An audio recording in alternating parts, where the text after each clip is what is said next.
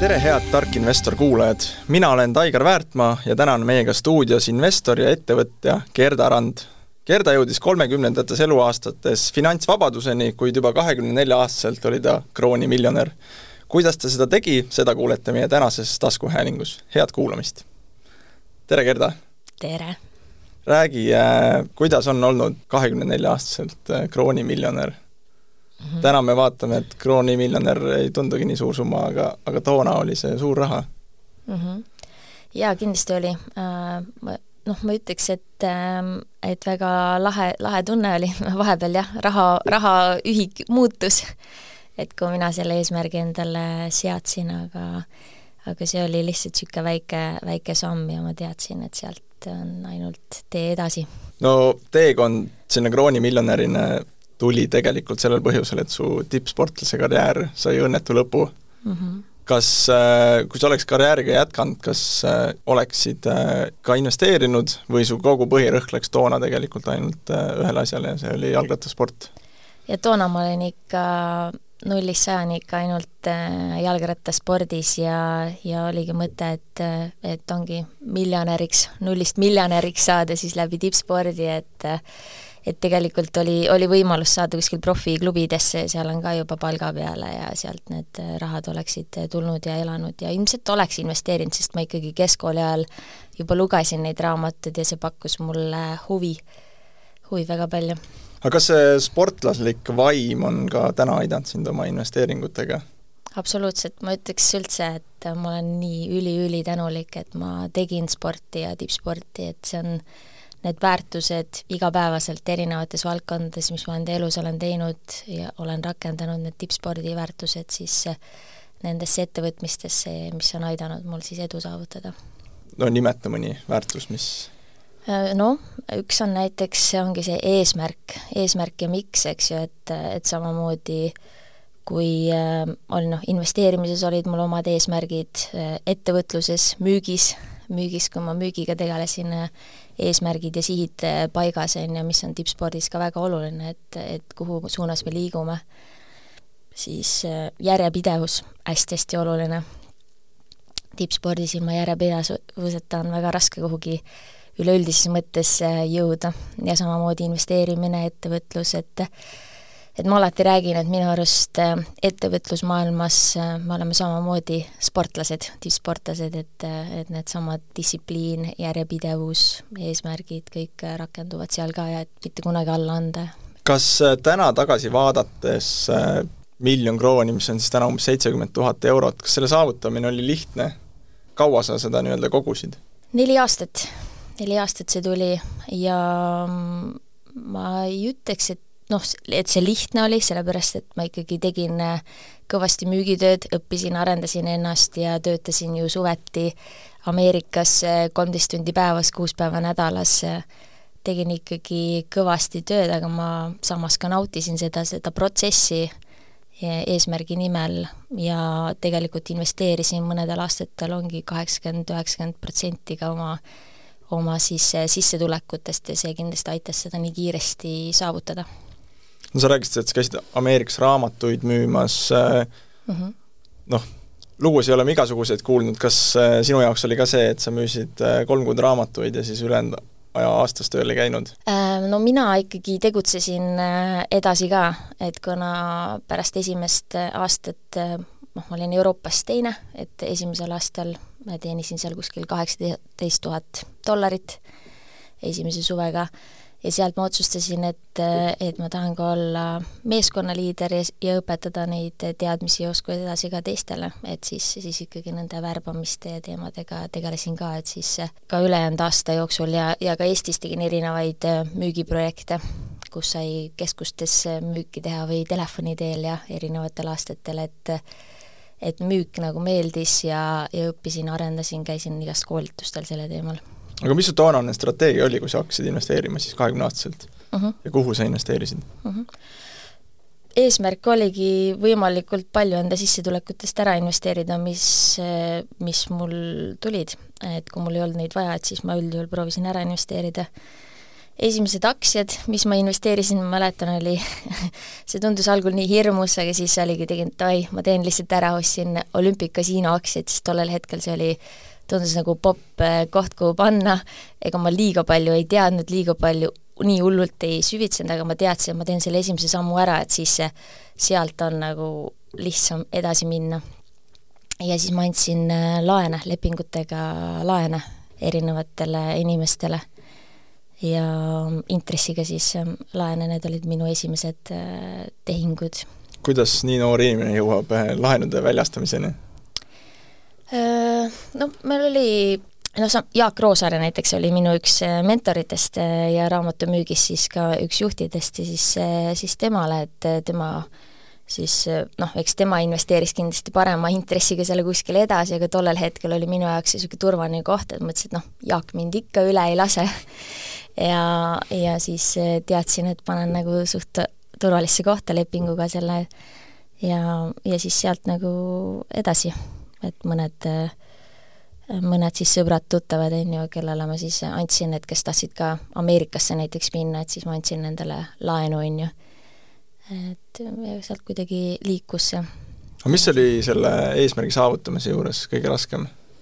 Ehm, minu arust alustamine et, et alustamine oli kõige raskem, sest see algus, investeerimine tundus üldse hirmus, sest igal pool ju räägiti, et et peaksid investeerima seda raha, millest oled valmis ilma jääma ja, ja siis see tundus kõik nii tume maa, on ju, et kui liiga palju neid teadmisi ei olnud, et mis mõttes millestki ilma jääma, et ma ei ole ju valmis enda rahast ilma jääma, et kuidas siis nii ja nii, et siis sellest lahti lasta sellest mõttest, et ja, ja tõesti, et, et raha on lihtsalt number ja ja, ja see potentsiaal, mis, mis sellele järgneb ja, ja are-, saada teadmisi rohkem üldse sellest, siis sealt tuleb ka see julgus ka neid asju teha no räägime korra sellest USA raamatu müügist, äh, ma tean inimesi, kes on ka käinud seal, kes ei ole olnud nõnda edukad kui sina, mõni on tulnud sealt lausa võlgades tagasi mm, -hmm. kui sina oled seda nüüd üksteist aastat tegid, täna enam ei tee uh, -huh.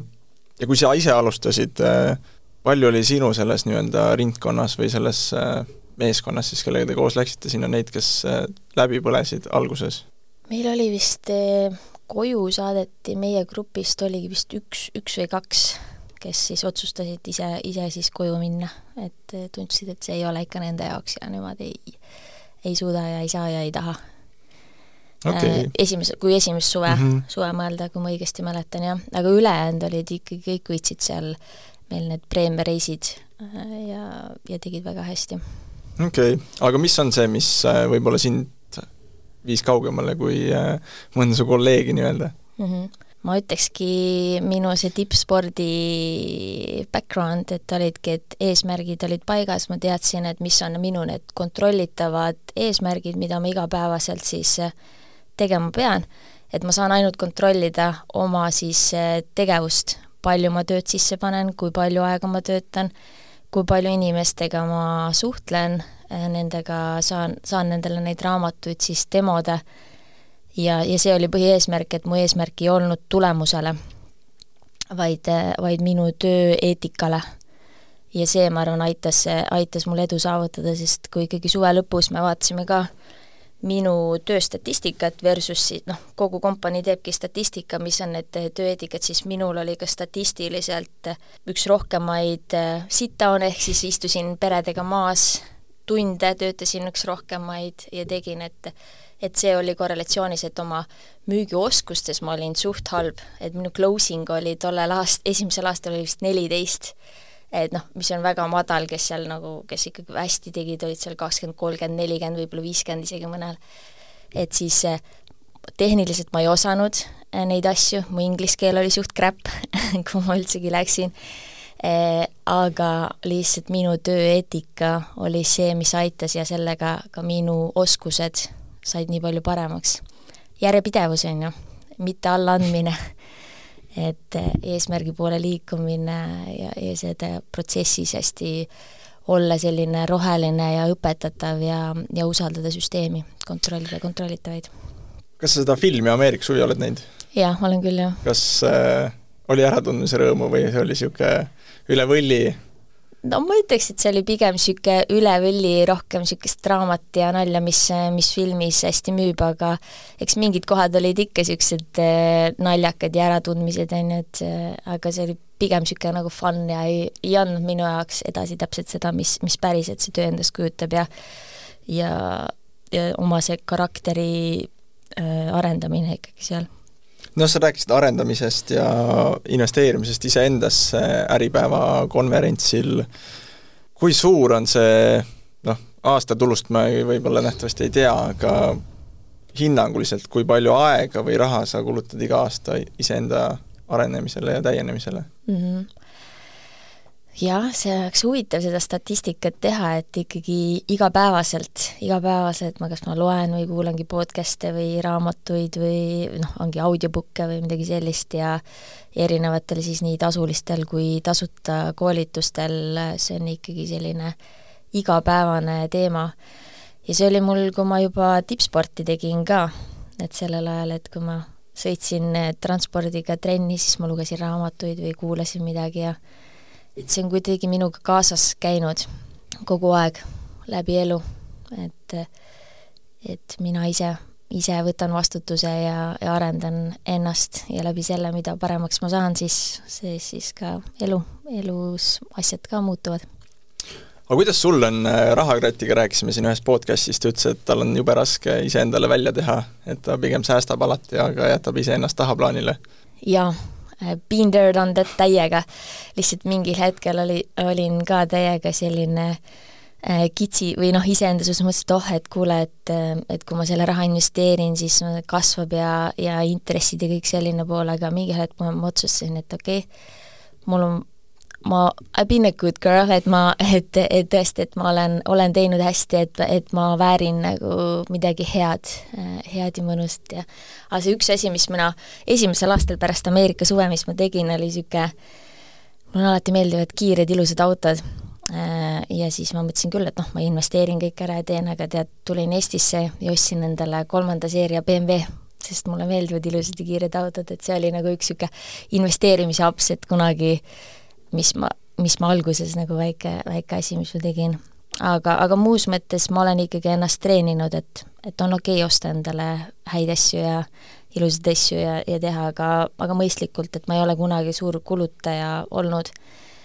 et, et pigem, pigem jah, mõelnud loogiliselt, kas mul on seda vaja ja, ja kui, kui ma, kas ma kasutan seda üldse pikas perspektiivis ja kui mõnele tõesti äh, küsimusele tuleb siin ei vastus, siis noh, ma ei näe nagu väärtust osta endale lihtsalt neid asju kokku.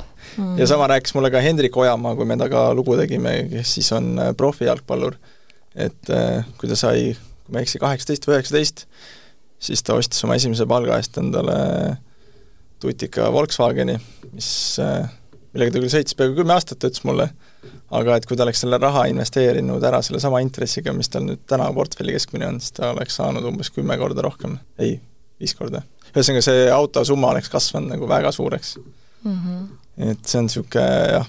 jah, sama siin, niisugune väike aps, aga noh, samas sai nautida vähemalt. noh, aga mis on sinu vaade sellele, et ela noorena, sest vanaduses pole enam jõudu, sest noh, mina kahekümne kuue aastasena olen praegu selles olukorras, kus ma üritan säästa vähemalt poole oma igakuisest sissetulekust, aga samas see tekitab olukorra, kus eh, noh, ei saa nagu väga elada, et kui keegi kutsub kusagile, siis kui on kuu keskpaik, siis nähtavasti on juba investeeringud tehtud ja mm -hmm. on niisugune keeruline, et eh, mis on sinu soovitus noortele mm? -hmm.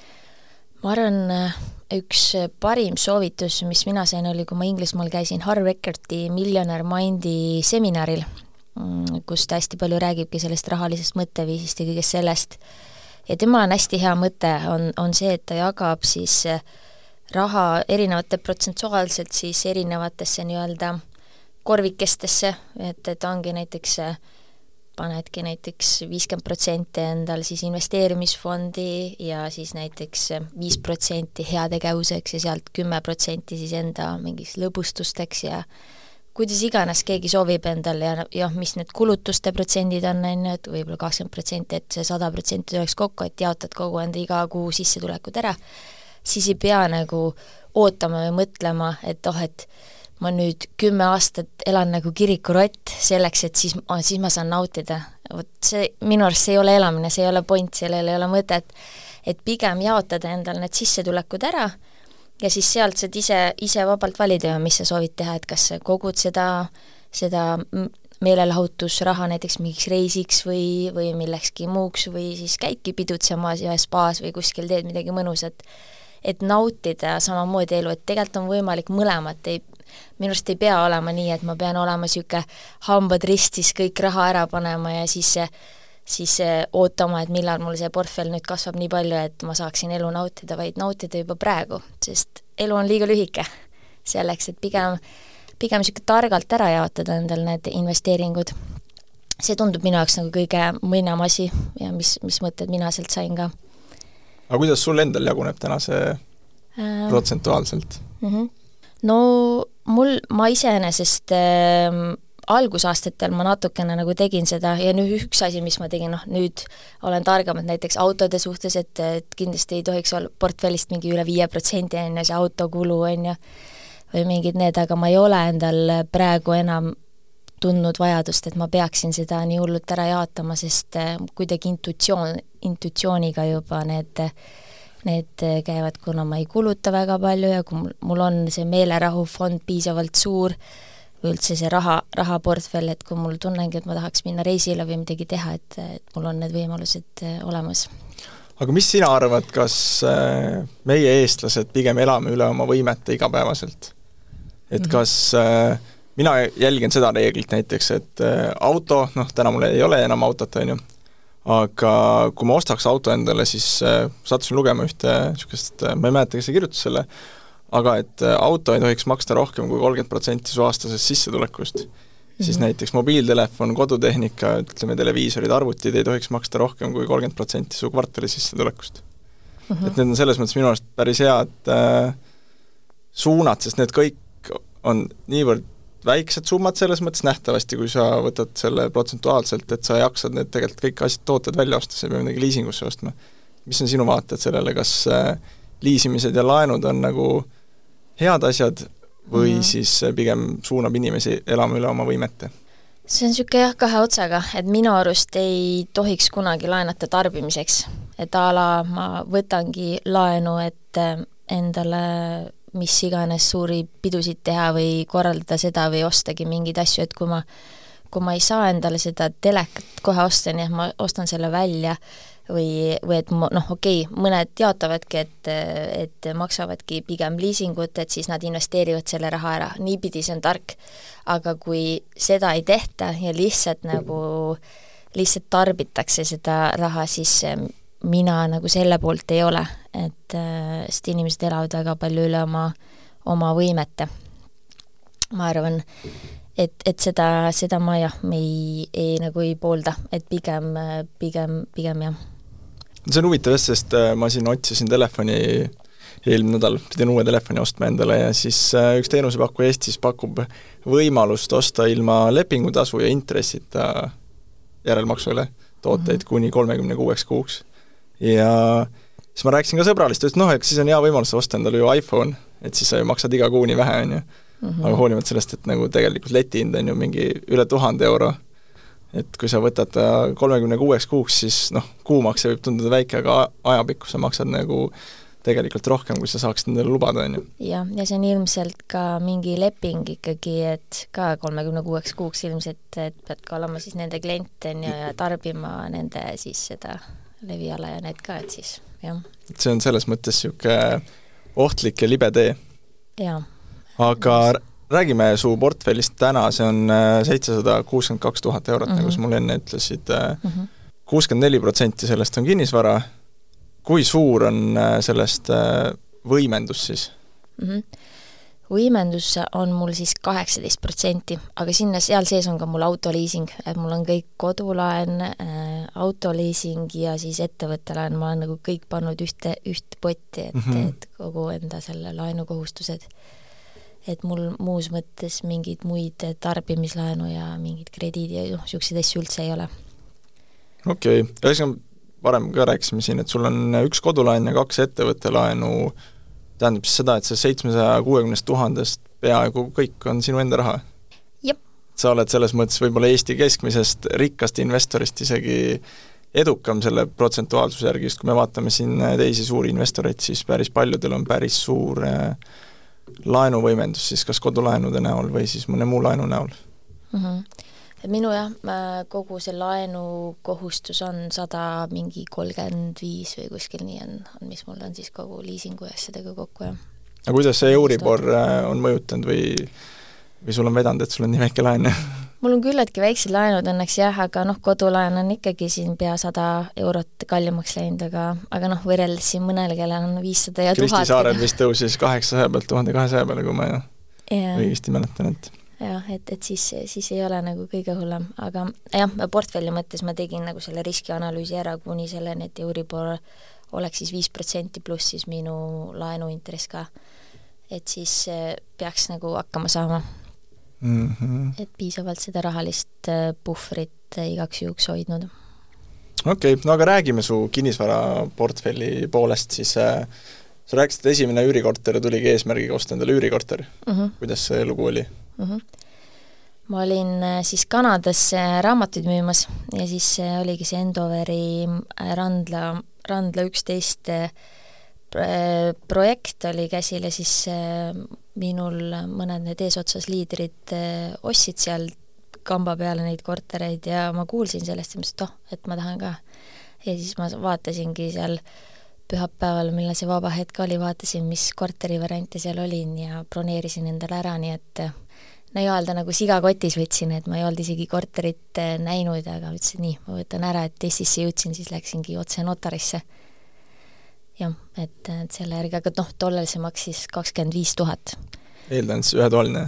jaa, kuueteistruudune korter oli siis esimene investeering ja ostsin siis jah. mis aastal see oli? kaks tuhat neliteist.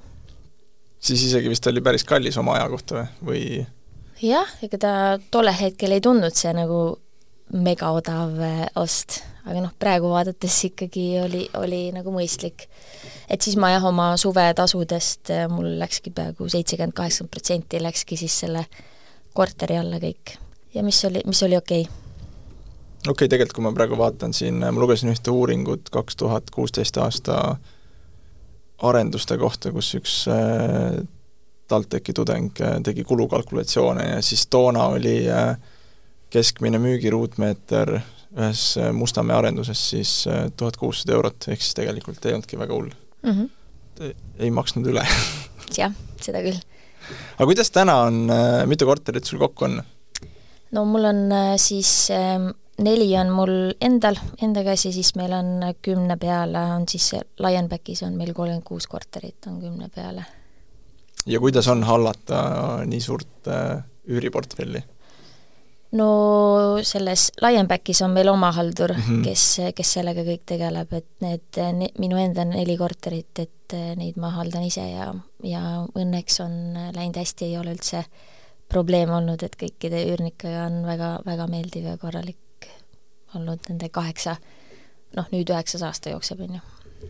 aga kuidas on praegu, kas sa oled olnud ka sunnitud üüri tõstma, on samaks jäänud mm? -hmm no ma olen äh, ikkagi niisugune igal aastal natukene tõstnud ja vaadanud ja muidugi, kui, see koroonaaeg oli, et siis ikkagi natukene sai alandatud ka inimeste jaoks seda, et et toetada, toetada neid. Ja aga, aga muus mõttes jah, eks ta on niisugune liikuv olnud selle kuueteist-ruudusega just eriti, et mingil hetkel oli see suurem ja nüüd väiksem ja nüüd on niisugune jah, liikunud vastavalt aga mis tingimustel, mis tingimustele su üürikorterid vastama peavad, on sul ühe-kahetoalised mm, -hmm. uhkemad, mitte nii uhked? no see Randla on mul ainukene ühetoaline, teised on mul kahetoalised mm. -hmm. ja ma näen, et niisugused kahetoalised on, on küllaltki mõnus üürisegment ja, ja väga, väga minevad minu enda jaoks, et mõned, mõne teise jaoks üldse ei meeldi sellised väiksed, meeldivadki ainult suured ja luksuslikud aga minule jah, ja mul on kõik niisugune Põhja-Tallinnas suht ühes rajoonis, et on ka mõnusam hallata. arusaadav, aga kuidas on äh, täna, kas sa vaatad uusi kortereid, hoiad sa aktiivselt turul silma peal mm? -hmm. jah, ma küllaltki, küllaltki vaatan küll, et mis, mis toimub, et äh, ma olen siin äh, nii-öelda hobi, hobimaakler ka nii-öelda, et olen siin sõpradele aidanud kortereid nii-öelda ka üürida või osta, müüa ja vahetada, on ju, et et kuna mulle endale see kinnisvara teema väga, väga huvi pakub äh,, ikka, ikka hoian silma peal ja vaatan, mis, mis, kui tulevad mingid tõesti väga head äh, võimalused, siis, siis miks mitte. aga kas sa otsid äh, pigem äh, nii-öelda kohe sisse kolitavaid kortereid või otsid midagi, kus saaks natukene võib-olla värskendusremonti teha ja saaks odavamalt kätte, aga kallimalt üürida? mõlemad variandid on täiesti okei. Okay.. ma ei ole kunagi flippi teinud, aga ma olen kuulnud endal sõpradelt-tuttavad, kes seda teinud on ja on väga, väga hästi läinud. Aga selleks on ikkagi noh, täpselt ka teadma, et õige objekt, õige asukoht ähm, selleks, et see oleks minev, et see on huvitav, ma olen siin viimased kuskil kuus kuud jälginud ka korterite siis nii-öelda müügiturgu ja on silma jäänud, et kuidagi järjest rohkem on tekkinud, äh, kuidas ma siis ütlen ilusti, jubedaid korterid, mida nagu varem nii palju ei olnud et kas see võib olla sellest, et äh, inimesed on saanud selle signaali kätte, et äh, nii-öelda see buumiaeg on möödas ja veel on viimane võimalus saada natukene paremat hinda, kui siin võib-olla aasta lõpus? Kas need on olnud, mida sa oled vaadanud just üürile või müügile? müügis, müügis, müügis.. see võib olla ka see, et inimestel, kui ongi mingid laenud kaelas, on ju, et, et on endal raske neid ka üleval pidada, et siis ka sealt on mingil määral võib-olla ka sundmüük, et ma arvan, et seda kindlasti siin lähiaastatel võib olla rohkem tulla, kui see Euribor siin jätkab äh, tõusutrende. Et lihtsalt inimestel on laenukoormus ka nii suur, et, et, et selle poolest võib-olla ka müüdakse rohkem. ja mõned võib-olla tahavad ka, et oh, et äkki on viimane võimalus siin veel mingit kapitali teenida, on ju, et, et ka see on variant. millal sa oma viimase korteri ostsid? see oli nüüd kaks tuhat kakskümmend üks või kaks tuhat kakskümmend üks algus, ei, kaks tuhat kakskümmend, kaks tuhat kakskümmend. Et noh, täna, kui hindamisakt teha, siis nähtavasti see on tõusnud päris mitukümmend protsenti ja,? jah, jah. et see on ka üks asi, mis ma, ma suht teadlikult ei teinud neid mingeid hin-, hindamisi, kui siin hull tõusutrend oli, et oh, nüüd on nagu kolmkümmend või nii, et, et siis siis äh, praegusel hetkel, kui need langused äh, tulevad, et ma pigem niisugust ostu, ostuhinna ja, ja selle poolest noh, vaadanud nagu. aga ei olnud kiusatus oma seda Randla korterit maha müüa, ma eeldan, et sa oleks saanud selle eest küsida kolm-neli korda rohkem kindlasti? jaa, oli, oli küll mõtteid, aga tead, ta on mul selle kaheksa aasta jooksul ko-, pole olnud ku-, ühte kuud ka, kui ta oleks olnud vakantne, et ei oleks üürnikku, et kogu aeg on, kui üürnik on vahetunud automaatselt ja ta on endale mul täiesti tagasi teeninud ka selle raha, mis ma sinna sisse olen pannud, et et mõtlesin, miks, miks mitte, et ajas ikkagi oma väärtust, ma arvan, kasvab. et pole, pole mõtet müüa, noh, mul tollel hetkel ei olnud ka eesmärki, mis selle rahaga teha, kui see sealt vabaneb, et kas osta uut või mitte, et et siis, siis ma ei hakanud. arusaadav. aga räägi, kas sa investeerid äh kinnisvaras, aktsiates, äh, kas sa tegeled äh, eraisiku alt või sa teed ettevõtte alt? Ettevõtte alt. kõik asjad tulevad ettevõtte alt mm? -hmm. aga alguses, kas sa, või sa oled algusest peale ainult? algusest peale ikkagi ettevõtte alt. või noh, ma, mul on mõned aktsiad on mul eraisiku mm -hmm. alt ka ja noh, muidugi kodulaen, on ju. aga, aga muus mõttes on kõik äh, ikkagi ettevõtte alt, et ma tegin selle teadmise endale suht algusest peale selgeks, et et ma teadsin, et ma tahan seda investeerimist tegeleda pikaajaliselt, et see ei olnud minu jaoks niisugune lühiajaline kiirelt rikkaks mõte, et ma teadsin kakskümmend, kolmkümmend, nelikümmend, noh, järgmised aastad, kui ma elan, et ma tegelen sellega ja ettevõtte alt on ikkagi mõistlikum neid asju ajada.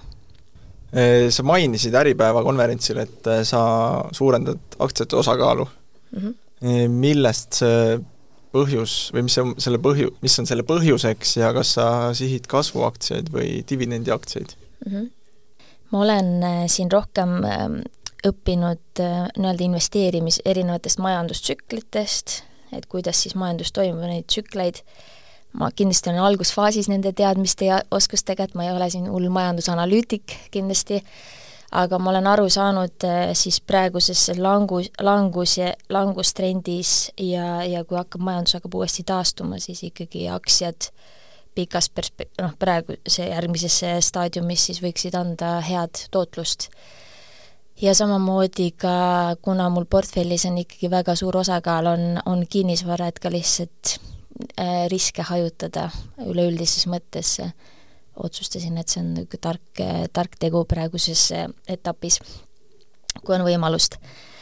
ja rohkem ikkagi dividendiaktsiad on, on minu jaoks nagu rohkem, mis meeldivad mm. -hmm. noh, Liivamägi on näiteks öelnud, et äh, tema investeerib hästi kõvasti praegu Nasdaq sada indeksisse, et ega ajalooliselt on näha, et äh, aasta peale langust siis võib see tõus olla mitukümmend protsenti mm. -hmm. et või et miks oled sina just otsustanud dividendiaktsiate poole vaadata, mitte siis kasvuaktsiate, eriti kui sa räägid, et majandustsükli lõpust uude minnes on tõusupotentsiaalid suured mm? -hmm.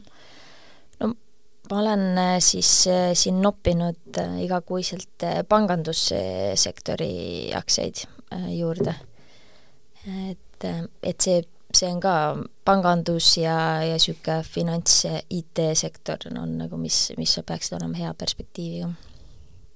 jaa, seda, seda nad kindlasti on, sellepärast et Euribori tõus ju ka hiljuti sai see kinnitust, et äh, pankade kasumid kasvasid äh, rohkem kui äh, LHV-l oli vist kakskümmend viis protsenti, Coobil oli vist üle viiekümne ja Luminoril oli lausa kuuskümmend seitse vist või et Euribor mõjutab kõvasti seda, eriti kui pankadel on ise suhteliselt väike laenukoormus mm. -hmm.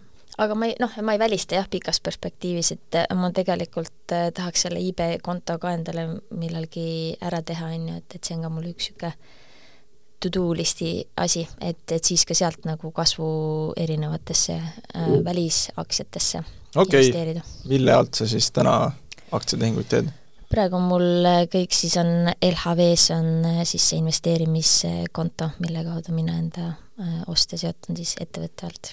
no mis on selle inter-, Interactive Brokers ehk siis IB võlu, ma tean, paljud kasutavad seda, aga samas nüüd meil on turule tulnud hulga uusi ja Interactive Brokeris äh,, miks seda kasutati, oli sellest, tasud olid madalad, on ju. ja ta oli suhteliselt lihtsaks tehtud ettevõtjale, aga samas, kui meil täna on Lightyear, siis meil on veel äh, Fundvest oli Eesti omadest. kas äh, ka nende peale oled mõelnud või, või on see Interactive Brokers niisugune? jah äh,, ma ütleks, et Interactive Brokers vist on ajaloos, või noh, ta on kõige kauem olnud ikkagi turul ja ennast äh, tõestanud, et Lightyear on sellises algusfaasis, ma saan aru, ja, ja olen kuulnud väga paljudelt investoritelt ka positiivset tagasisidet selle kohta, et mul endal puudub äh, suur arvamus selle kohta, sest ma ei ole seda liiga palju uurinud, et rohkem IB-d ja tean, et äh, mul on sõbrad-tuttavad, kes on seda kasutanud ja väga hästi. aga üleüldises mõttes vist sinna investeerida ma olen saanud aru, et ikkagi tasub siis, kui noh, alates umbes kümnest tuhandest, on ju, sinna IB-sse investeerida, et kui tõesti teha väga väikeste summadega, siis, äh, siis on ka täiesti fine osta ju läbi endal siis kas või LHV on ju nende, nende Ameerika aktsiaid. aga et kui on nagu võimalus ja tahe natukene suuremaid summasid paigutada, et siis siis just need ähm, tasud, on ju, et, et selles mõttes on mõttekam otse siis läbi IB. noh, mis olen mina siiamaani oma teadmistega aru saanud no sa rääkisid, et äh, investeerid pankadesse, kas need on pangad äh, meie nii-öelda Balti börsilt või äh, kuulub su portfelli üle maailma erinevaid äh, finantsettevõtteid? Balti börs, jah.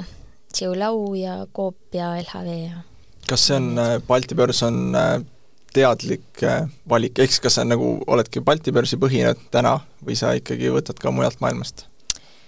suht teadlikult olen praegu jah, siin, siinkandis olnud, et rohkem oma teadmisi ammutanud selle, selle kohta. et et ma pigem olen natuke niisugune konservatiivne et, et õpin, arendan, vaatan ja liiga suuri riske kohe ei võta, et ma ikkagi ammutan ja neid teadmisi, et mis on õige ja mis mitte ja kuidas ja mis, et aga kas sa oled seadnud endale mingi eesmärgi ka, et su aktsiaportfell siis peab aastas tooma sulle nii palju tagasi või see on lihtsalt selline pikk plaan tulevikuks? pigem jah, pikk plaan äh, tulevikuks, et äh, ei saa kunagi ju neid turgusid äh, kontrollida, et et siin what if tuleb ka jällegi samamoodi ka aktsiates suurem, suurem langus, on ju, et et siis mis seal ikka, siis saab jälle juurde osta odavalt, on ju, et et ma ikkagi vaatan pikas perspektiivis. no sul varsti on sündimas esiklaps äh, sa oled maininud varem, et äh, ka temast on plaan investor teha yeah.. kas see juhtub esimesel päeval või mis see mõte lapsega on, kuidas teda sinna maailma sisse viia?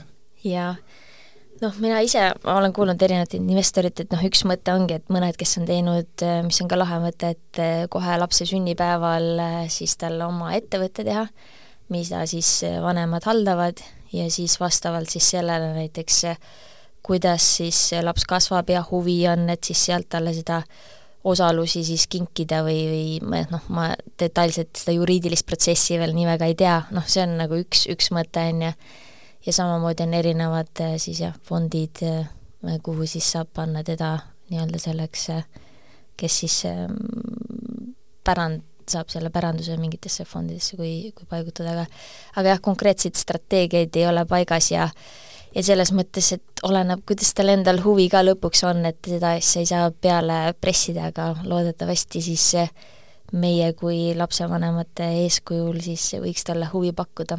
Jah, vähemalt tahaks talle maast-madalast, et ta selline rahaline tarkus ja arusaam sellest, mis, mis see on ja kuidas, kuidas siis käituda ja kasutada targalt raha. aga mis see mõte on, isegi noh, laps ju ise raha ei teeni mm, -hmm. et mis võiks olete mõelnud, mis see summa võiks olla, mis iga kuu võiks lapsele investeerimiseks minna? täpselt ei ole nagu see paigas veel. aga noh, mul on lihtsalt selle koha pealt, et et tegelikult prooviks rohkem sinna minimalismi poole minna, kui ma mõtlen, et sugulased, tuttavad kõik toovad mingeid mänguasju ja lelusid ja seda poolt, et isegi seda, et, et pigem kui tahetaksegi osta või teha midagi, et et siis ongi lapsele nendesse fondidesse saab hoopis raha paigutada, on ju, et selle asemel asjad, mis jäävad seisma, mida, mida siis ei kasutata, on ju, et noh, mänguasjad ja asju kõike on lapsel on vaja muidugi, e, see on arendav, aga et et ka mingi osa siis võib-olla paigutada sealt ja panna hoopis kasvama, palju kasulikum. no meil on peresid, kes äh, on äh, nii-öelda heal järjel, et nad ei sõltu riigi toetustest, aga riik ometi maksab iga kuu lapse eest kaheksakümmend eurot ja see on ka üks äh, Kristi Saare soovitusi, et äh, kui võimalus on, siis pane see lastetoetus lihtsalt börsile iga kuu. ja siin mm -hmm, lihtne liitintressi kalkulaator, võtsime lahti kaheksateist aastat, äh, SB viiesaja keskmine aastatootlus on seitse protsenti ja kui me paneks iga iga kuu kaheksakümmend eurot sinna, siis kaheksateist aasta pärast oleks lapsel viiskümmend üks tuhat eurot. väga lahe aga sinu enda investeering, investeering oleks kõigest kakskümmend kaks tuhat. Väga et, lahe. Äh, tasub mõelda selle peale ja kui ja. on kolm last, siis saab veel rohkem jah, saaks esialgu selle ühega hakkama aga kuidas on, äh, kas äh, enda kodus teil abikaasaga investeerib? jah. kas jagate omavahel ka nii-öelda nõu ja ja nippe? ikka arutame jah, et tema ise on, juhib siis eh, kindlustusettevõtet QLA mm, väga noh, ma olen ka nüüd ju teine aasta jookseb, kus nad eh, siis eh, tegutsevad, et ka erinevate fondide ja õnnetusjuhtumi kindlustused ja investeerimiskindlustused ja asjad, et ja jaga, jagame küll mõtteid, et kuidas, mis, mida paremini teha üks lahe toode, mis nendel on, mida ma ei tea, et kuskil keegi teine kindlustusselts pakub, et kui laps on üheaastane, siis saab lapsele teha investeerimiskindlustuse ja õnnetusjuhtumi kindlustuse, mis ongi põhimõtteliselt, noh, lastel ikka õnnetusi juhtub, on ju, et selle asemel, et lihtsalt maksta õnnetusjuhtumi või noh, et maksadki lihtsalt seda raha ja, ja mida, jah, kui õnnetus juhtub, et siis saad, seal on nii, et pannakse ikkagi erinevatesse fondidesse see raha ka kasvama et tegelikult äh, see kogu aeg kasvab ja noh, kui midagi juhtub, siis saad valuraha ja saab edasi, edasi investeerida ja samamoodi, kui laps on äh, siis kaheksateist või kas ta otsustab, et kas ta tahab seda siis raha uuesti edasi kasvatada või siis võtabki, ma ei tea, esimeseks enda kodu ostuks selle raha välja või midagi, et seal ei ole nagu neid piiranguid, et millal või kuidas seda välja võtta. see on niisugune huvitav toode, mille kohta mul on niisugune natukene infot, mis, mis noh, aga see on noh, esimesest aastast, on ju. aga mis sa arvad, äh, kui äh, ongi, saab kaheksateist ja kontol ongi see tänase kalkulatsiooni järgi viiskümmend tuhat eurot, et mm -hmm. kui sa mõtled enda peale, sa olid kaheksateist, kui sul oleks olnud äh, toona siis ütleme samas, mitte samas vääringus, sest noh, inflatsioon, eks ole, aga ütleme laias laastus mõtteliselt sama suur summa et kuidas see oleks su elu muutunud või paremaks teinud mm -hmm.? kusjuures, kui ma samas vanuses olin, siis mul põhimõtteliselt tegelikult oli ka, sest meil tegelikult ju kogu sellest liiklusõnnetusest, mis meil oli, meil oli ka kohtuprotsess ja sealt äh, ma sain tollena ka kolmsada tuhat krooni, on ju, äh, valuraha sellest, kes meile siis otsa sõitsid ka selle ettevõtte poolt et ma tegelikult olin, olin okay., et ma olin ka see, umbes selles vanuses juba olingi see, aga seda raha tollel hetkel, noh, mingi osa ma ikkagi kasutasin, et iseseisvaks eluks läkski elu, elamiskuludeks, et ma saingi kodust välja ja seda, aga see ikkagi ait-, see, kui mul seda raha ei oleks olnud, siis ma ei oleks saanud Ameerikasse näiteks üldse minna, sest seal on ka esialgne investeering, need viisad ja lennupiletid, niisugused asjad, sest mu enda vanemate poolt mul ei oleks, ei oleks olnud võimalust, et nad maksavad seda äh, raha, kui siis ma ise oleks tööl käinud. et see oli tegelikult raha, mis aitas mul äh, siis äh, järgmisi samme teha enda rahalise portfelli kasvatamisel. no vot, siis võib öelda kõikidele vanematele, et tasub investeerida lapse eest, sellepärast et mis iganes ei juhtuks, siis see seemneraha oleks igati tänuväärt. jaa, absoluutselt aga lõpetuseks võiks öelda või küsida, mida sina soovitad äh, investorile, kes teeb täna neid esimesi samme ja ta pole päris kindel, millest alustada? no ma ütleks ikkagi alustada sellest, et oma investeerida iseendasse, on ju, et äh, nagu ma ütlengi, et noh, et kus iganes aktsiatesse, näiteks SB viiesajasse, siin paljud räägivad, tahavad investeerida, et noh, kui see on see, mis sa tahad, tee, aga investeeri SB mina aktsiasse ehk siis täiega tõesti iseendasse, et see, see maksab parimat äh, dividendi meile elus tagasi. et ükskõik, äh, mis juhtub, et, äh, et kas see portfell kaob või mitte, siis tegelikult neid oskusi ja teadmisi ei saa meilt mitte keegi ära võtta. ja läbi selle me saame ka tööturul palju paremat sissetulekut ka küsida, kui me oleme, loome rohkem väärtust siis ettevõtjatele ka et, et enesearengusse panna ja samamoodi, mm, kes alustavad, julgustada tehagi see esimene samm, on ju. et paljud jäävad minu arust, noh, kuna ma ise olen mentor ka, on ju -hmm. mentordan inimesi, siis, siis paljud jäävad selle just selle esimese sammu taha, et ei julge alustada ja mõtlevad, et, et oh, et ma õpin ja vaatan ja loen, aga tegelikult ei tehta seda esimest sammu. et minu jaoks need teadmised samamoodi on täiesti kasutud teadmised, kui me neid ei kasuta. et me võime lugeda ju sadu raamatuid ja käia sadadel koolitustel, aga kui me neid ei rakenda, siis nendest ei ole mitte midagi kasu. et rakendada ka ja tegutseda äh, siis nende suunas ka ja teha see esimene samm ära, kas või ongi teha see investeerimiskonto või, või ettevõte ja teda, enda esimene aktsia, et noh, kas või pane enda see kümme eurot või mis iganes, et see esimene samm ja kui see on tehtud, siis siis minu arust te-, kuna oma nii-öelda see nahk on mängus, siis tekib ka palju rohkem seda huvi õppida, arendada mm -hmm. ja vaadata, kuidas see asi läheb, on ju. et, et jah ähm,, et sealt, sealt see kogemus tuleb, et lihtsalt see esimene samm ära teha, et see tundub ähm, tihtipeale paljudel, mille taha see jääb. aga mentorina sa kindlasti tead või sul on niisugune, mis on see tavaline või nii-öelda keskmine põhjus, miks inimesed ei julge seda esimest sammu ikkagi teha siis? jah, mõnedel ongi see, et, et kardavad, eks ju, seda raha kaotada, äh, siis mõnedel ongi teadmatus, kuida-, kuidas teha, on ju. et kas üldsegi läbi ettevõtte või eraisikuna ja kõik selline, et et tihtipeale jääb lihtsalt ka selle teadmiste taha see asi.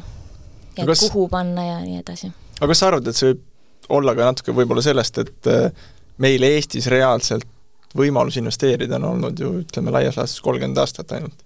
et meil ei ole nagu põlvkondade pikkust niisugust nagu rikkust, nagu on äh, vabas maailmas olnud, et jaa, jaa ja mingitel aastatel ju, või noh, oligi kunagi, et üldsegi rahast ei räägitagi ja see oli tabuteema, et kui üldse rahast räägitakse. et, et siis ma näen, et see on positiivne trend, et ikkagi räägitakse nüüd rohkem sellest, et, et võib, võib küll olla vabalt, et, et ka aja, ajalooliselt. jah, aga vot, selline sai tänane tark investor taskuhääling, mina olen Taigar Väärtmaa, stuudios oli Gerda Rand, kuulmiseni mm! -hmm, aitäh!